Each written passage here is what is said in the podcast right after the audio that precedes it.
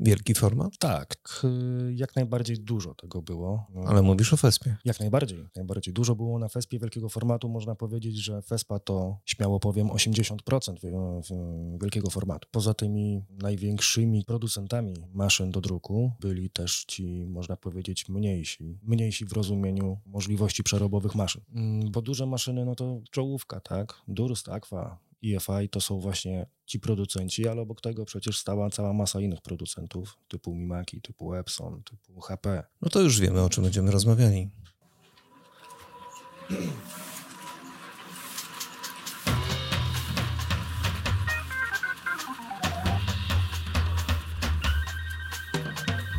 Niezbędnik poligrafa Mirosław Pawliński, a osoba, którą słyszeliście, Piotr Białowieżec, Graficus, czyli krótko rzecz biorąc wielki format i głównie Mimaki. Zgadza się? Zgadza się. Dzień dobry, witam z Berlina.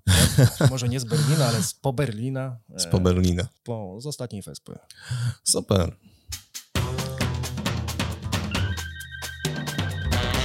Która to już twoja Vespa?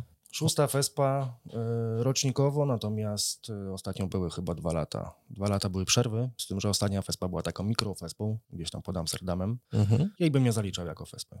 No dobrze, ale pojechałeś na Vespę chyba, jak to się mówi, ze swoimi jakimiś oczekiwaniami. Wszedłem oczywiście jak najbardziej. Żyjemy. Okazuje się, że żyjemy, że rynek E, branża, wszystko, że tak powiem, może nie rozkwitło, ale generalnie działa, to bardzo mocno. Wielkie stoiska, wszystkie technologie, bardzo dużo ludzi. Patrz, wszyscy mówili, że wielki format nie przetrzyma pandemii, nie? Tak bardzo no. dobrze się trzyma. No właśnie, no właśnie. Z tego, co było widać na targach, y, bogactwo stoisk, sprzętu, który został pokazany, zaprezentowany na targach, e, no można wnioskować, że, że, że, że jednak idzie do przodu. Wiesz co, zapytam jeszcze jedną drobną rzecz. Goście dopisali? Jak najbardziej. Powiedziałeś w naszej rozmowie przed nagraniem, że nie było z Dalekiego Wschodu. Nie było. Nie było, ale pomimo to, tak, wszystko cieszyło się bardzo dużym zainteresowaniem. E, pomimo tego, że ich nie było, to mieliśmy przegląd wszystkich technologii. Porozmawiajmy chwilę o tych technologiach. Może nie tyle o technologiach, ale też o producentach. O producentach, a potem to rozbijemy na technologię, tak? Największymi można powiedzieć, w wielkim formacie. Są tutaj e, Durst, Aqua, EFI, tak? Tutaj możemy o tym mówić. Każdy z tych producentów posiada w swoim portfolio masę technologii, które można gdzieś w sumie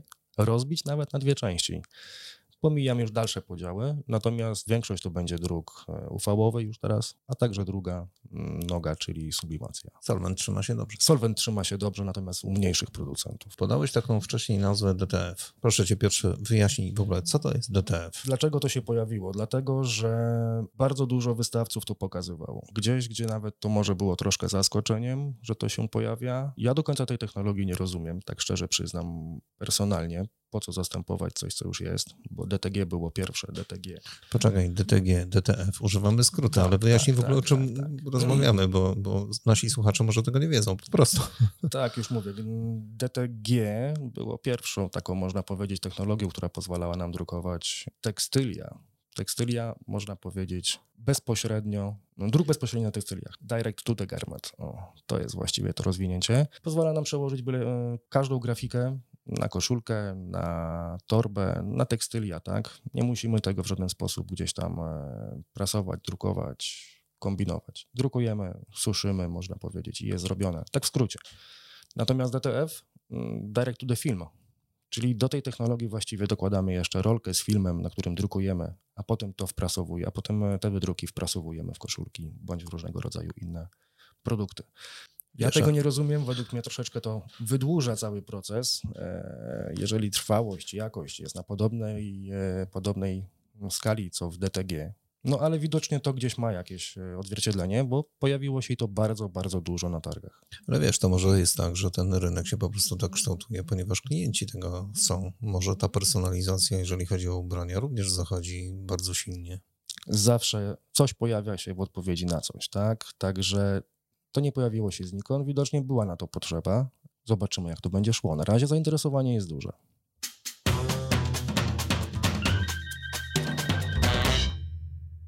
Wszyscy mówią o wielkim formacie, wielkim formacie, mówią o ploterach, ok, ale przecież bardzo ładnie rynek zdobywają wszystkie te drukarki, które drukują na płasko. Doskonałe produkty. No i znowu tutaj możemy wymieniać od największych, od najmocniejszych, E, szczerze powiem, że nie jest to Mimaki, aczkolwiek bardzo sympatyzuję z tą, z tą marką. z prostego powodu. Wszystko jasne. Tak. Natomiast no, tutaj mocnym zawodnikiem jest cały czas Swissku Print. No Jednak. jakość, jakość tutaj, jakość i prędkość, tak, yy, pokazuje, że naprawdę to ciągle się rozwija. Na to jest wzięcie, ludzie poszukują tego typu rozwiązań. No i odpowiedzią są te najnowsze maszyny. Już nie będę wchodził może głębiej e, w specyfikę, w nazwy, to już jak ktoś będzie chciał, może sobie poszukać po, po, po, po producencie. Tak, tego było dużo na Fespie, do wyboru, do koloru. Format, prędkość, no pośrednio gdzieś tam później cena. Gdyby Mhm. ktoś chciał kupić, nie byłoby żadnego problemu. Coś dla siebie by na pewno znalazł. Piotrze, co ciebie zaskoczyło tak naprawdę, jeżeli chodzi o technologię na Fespie?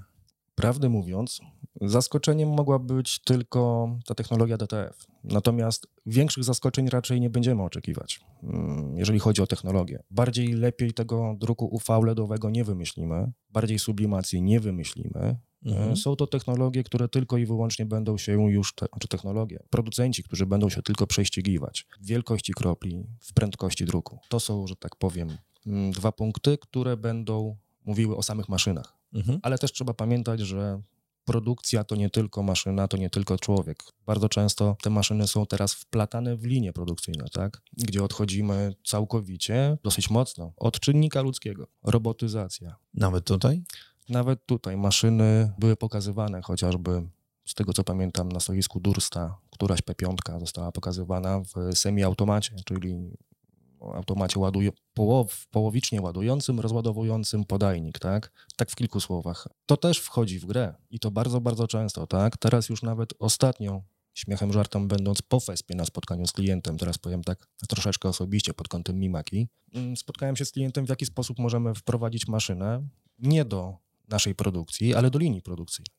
I to nie stanowi żadnego problemu obecnie. Zawsze wydawało mi się, że poligrafia 4.0, czyli krótko rzecz biorąc ta automatyzacja, robotyzacja czy wręcz autonomizacja nie dosięgnie wielkiego formatu. Wielki format to nie tylko druk, e, można powiedzieć, wielkoformatowy, ten, który sobie wymyśleliśmy z nazwy, czyli przyłóżmy, nie wiem, ściany, to, co możemy powiesić na ścianach, na oknach, cokolwiek, na zewnątrz, wszędzie. Druk wielkoformatowy bardzo mocno wkroczył do produkcji po prostu. Przemysłowej.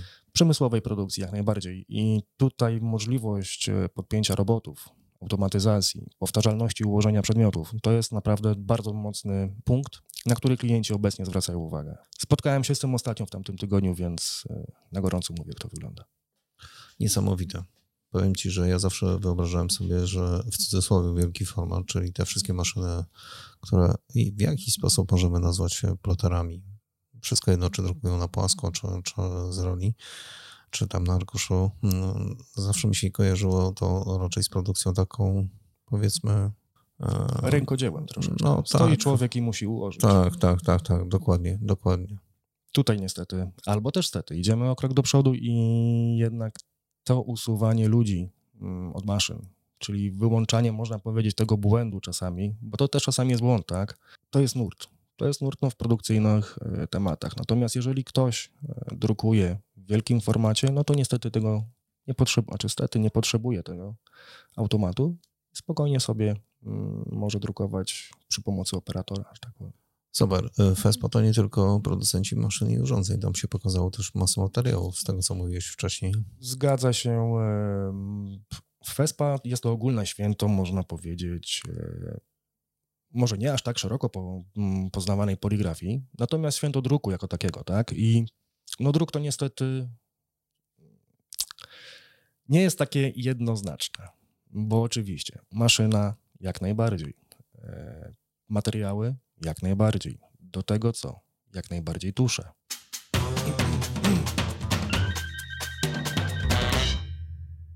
Piotrze, Mimaki to jest temat, którym ty się opiekujesz. Co nowego, co ciekawego? Wiem, że były huczne zapowiedzi wcześniej, ale powiedz dokładnie, co się wydarzyło. Wydarzyło się dość dużo. Wydarzyło się dość dużo. Generalnie Mimaki jest jednym z mocniejszych partnerów FESPy i chyba mogę tutaj śmiało powiedzieć, że, że mieli największe stoisko, jeżeli chodzi o producentów maszyn. Nawet ci najwięksi, ci najmocniejsi producenci, najszyb, najszybsi producenci, no nie mieli tak rozbudowanego tego stoiska, jednak Mimaki kładzie na to duży nacisk. Co nowego w Mimaki? Mimaki w tym e, roku, w tym sezonie nie powiedziało jeszcze ostatniego słowa tą Fespą, e, ale na Fespie już zdradziła dwie swoje nowe, mm, trzy nowe no, swoje nowe zabawki. Dlaczego trzy? E, Może trzy, ale w sumie to jedną. mm, ponieważ została wypuszczona seria tak zwana 330. E, są to maszyny solwentowe i tekstylne. Czym się charakteryzują? No czymś nowym, czego jeszcze nie było nigdzie e, u żadnego producenta, można powiedzieć, w formacie do 1,60 m. Mam tu na myśli podajnik na rolki. To może tak banalnie brzmi, ale jeżeli mamy już takie trzy podajniki na maszynie i zmieniamy materiał e, dosłownie mm, za pociągnięciem ręki, bez noszenia rolek, no to już coś, coś zmienia w naszej produkcji.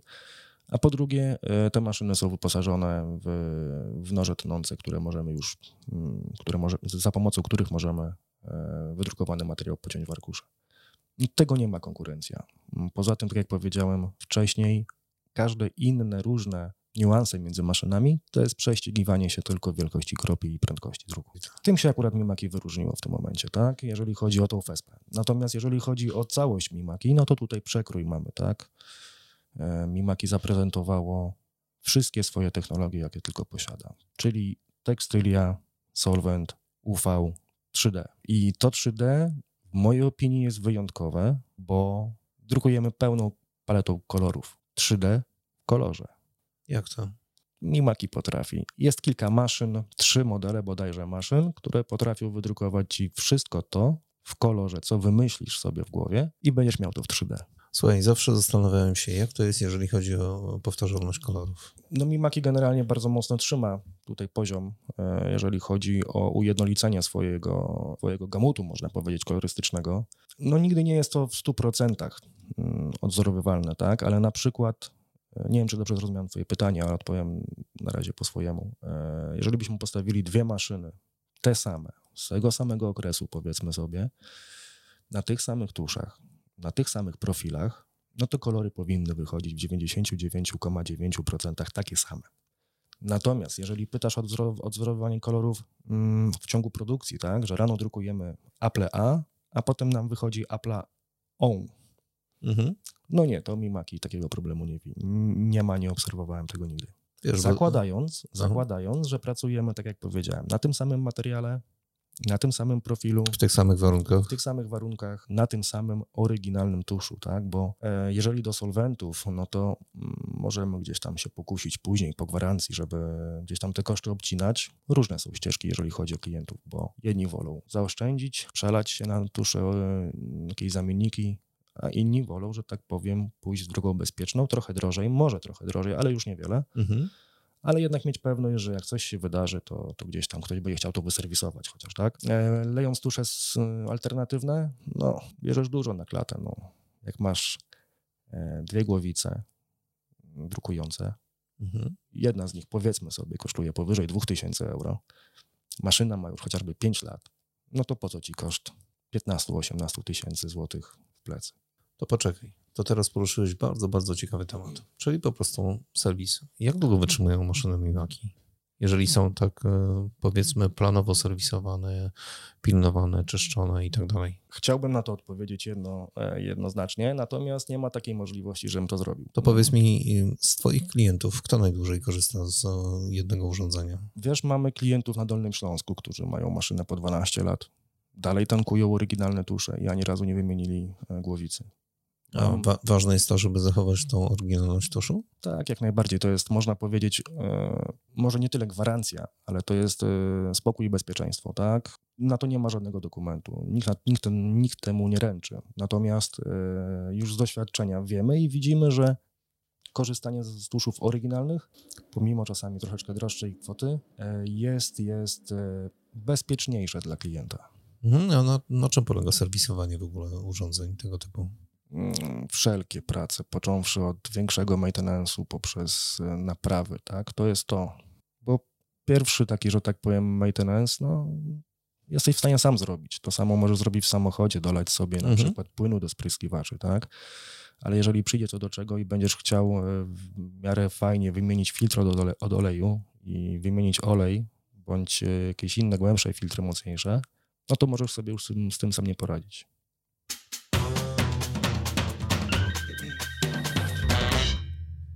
Instalacja, która zapadła Ci w pamięci ostatnio? Jest, jest taka jedna, bo może też ciekawa, bo pierwsza w Europie, jeżeli chodzi o tego typu, o ten model maszyn Mimaki, a dlatego z, troszkę w głowie została, ponieważ no, troszkę musieliśmy przy tym popracować, żeby ta instalacja zakończyła się sukcesem. E, mam na myśli najnowsze maszyny Mimaki, tak zwane gadżetówki, ale te największe. Udało się, że tak powiem, podpisać kontrakt na sprzedaż, na sprzedaż trzech tych maszyn za jednym e, rzutem. No i wszystko byłoby fajnie. To ładny hatchik. Bardzo fajne. Bardzo fajny. Wszystko byłoby super. Po pierwsze, fajnie, prestiż, tak? Pierwsza maszyna, pierwsze maszyny w Europie sprzedane, instalowane. No ale jeżeli sprzedajesz i instalujesz pierwsze maszyny w Europie, to musisz liczyć się z tym, że nie wszystko musi pójść tak, jak Idealnie. powinno. Tak, no niestety chłopaki serwisowi i nasi inżynierowie troszkę czasu spędzili u tego klienta, aby te maszyny postawić na nogi, co niewątpliwie tam w przeciągu 4-5 dni się udało wykonać. Tak? Także instalacja summa summarum zakończyła się pozytywnie. Maszyny drukują piękne kalendarze książkowe w tym momencie chyba, jeżeli dobrze pamiętam, pracują na prawie 24 na dobę. Jak to możliwe? Przecież ten sprzęt nie wytrzymuje 24 na dobę. Piotrze. Wytrzymuje dużo więcej. Naprawdę? Proszę mi uwierzyć, wytrzymuje dużo więcej. Drodzy Państwo, jak sami widzicie, y, wielki, mały format, wszystko w druku cyfrowym może się wydarzyć. A za moment wracamy z powrotem do rozmowy. Piotr Białowieżec, reprograf Graficos, naszym gościem.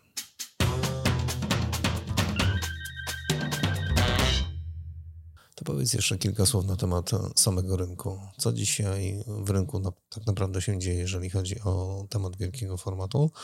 A plus do tego, jak mógłbyś e, kilka słów powiedzieć, czego szukają klienci tak naprawdę? Klienci szukają spokoju. To jest chyba w tym momencie najprostsze. Spokoju i może gdzieś tam pośrednio oszczędności. Bardzo wiele takich sytuacji mieliśmy, zarówno tutaj z chłopakami z serwisu, jak i, jak i ja osobiście wśród swoich klientów. Można powiedzieć śmiechem. Ten, kto troszkę oszczędza, potem dwa razy, dwa razy płaci, uproszczając to powiedzenie. Natomiast tak jest.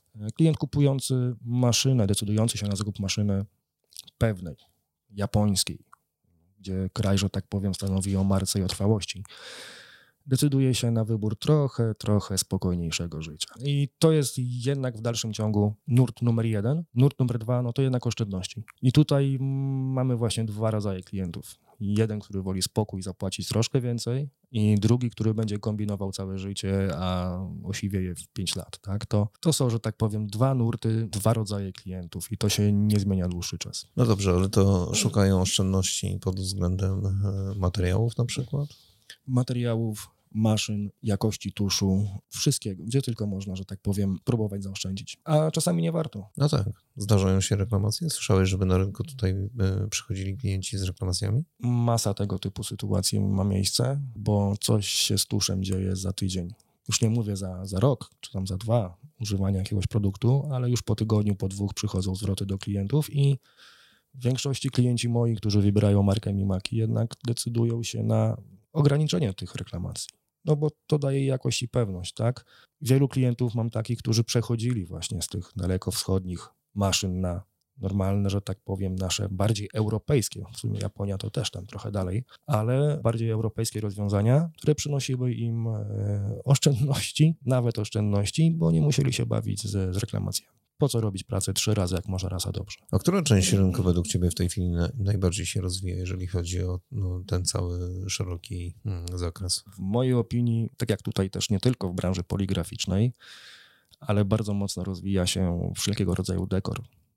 Mm, zobacz, co się wydarzyło z mieszkaniami ostatnio. Jest, dalej jeszcze to się ciągnie, ten boom. Pewnie za chwilę gdzieś tam się załamie, to już nie moja bajka. Natomiast tyle mieszkań, tyle domów, które zostały oddane w ostatnich latach, wymagają dekoracji, wymagają kolorystyki w środku. I tutaj w to idzie bardzo mocno LFP, w sensie mm, wielki format, e, gdzie może zapewnić wszystko. Od ścian, poprzez kuchnię, lustra, okna, wszystko możemy zadrukować. Wiesz co, wydaje mi się, że tak naprawdę mieszkania to jest dopiero jeden z tych tematów, ale inny to są biura bo tutaj no właściwie ten dekor jeszcze się nie rozwinął. Bardziej chyba poszedł w mieszkaniach, ale w biurach było go mniej widoczne. Wiesz co, z biurami było tyle, było tyle niewygodnie, to fajnie raczkowało.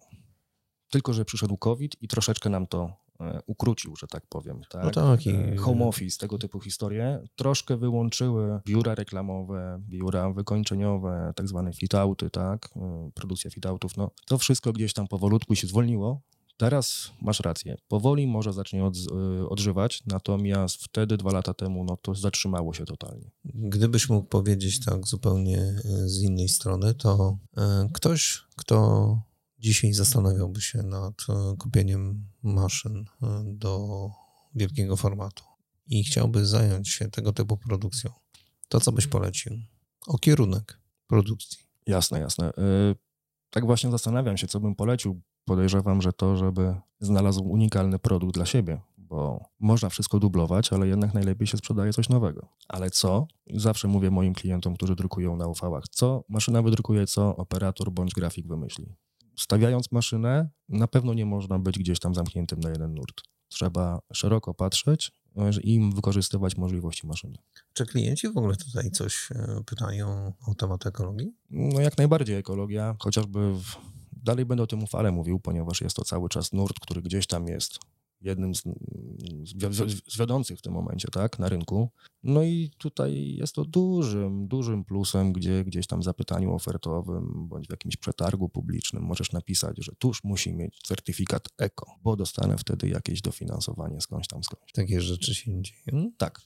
Niemożliwe. No, zgadza się, takie jest. To są po prostu czasami wymogi urzędów bądź jakichś gmin, czegokolwiek, które wymagają, żeby gdzieś tam było to eko. Naszym gościem Piotr Białowieżec, firma Reprograf Grafikus. Drogi Piotrze, bardzo Ci dziękuję za dzisiejszą pogaduchę. Absolutnie luźno na temat wielkiego formatu, ale już teraz wiem, że mogę Ci przygotować całą serię pytań, i to tak, takich mocnych, jeżeli chodzi o wielki format. Dziękuję Ci bardzo za dzisiejszy czas. Super, dzięki śliczne i do następnego.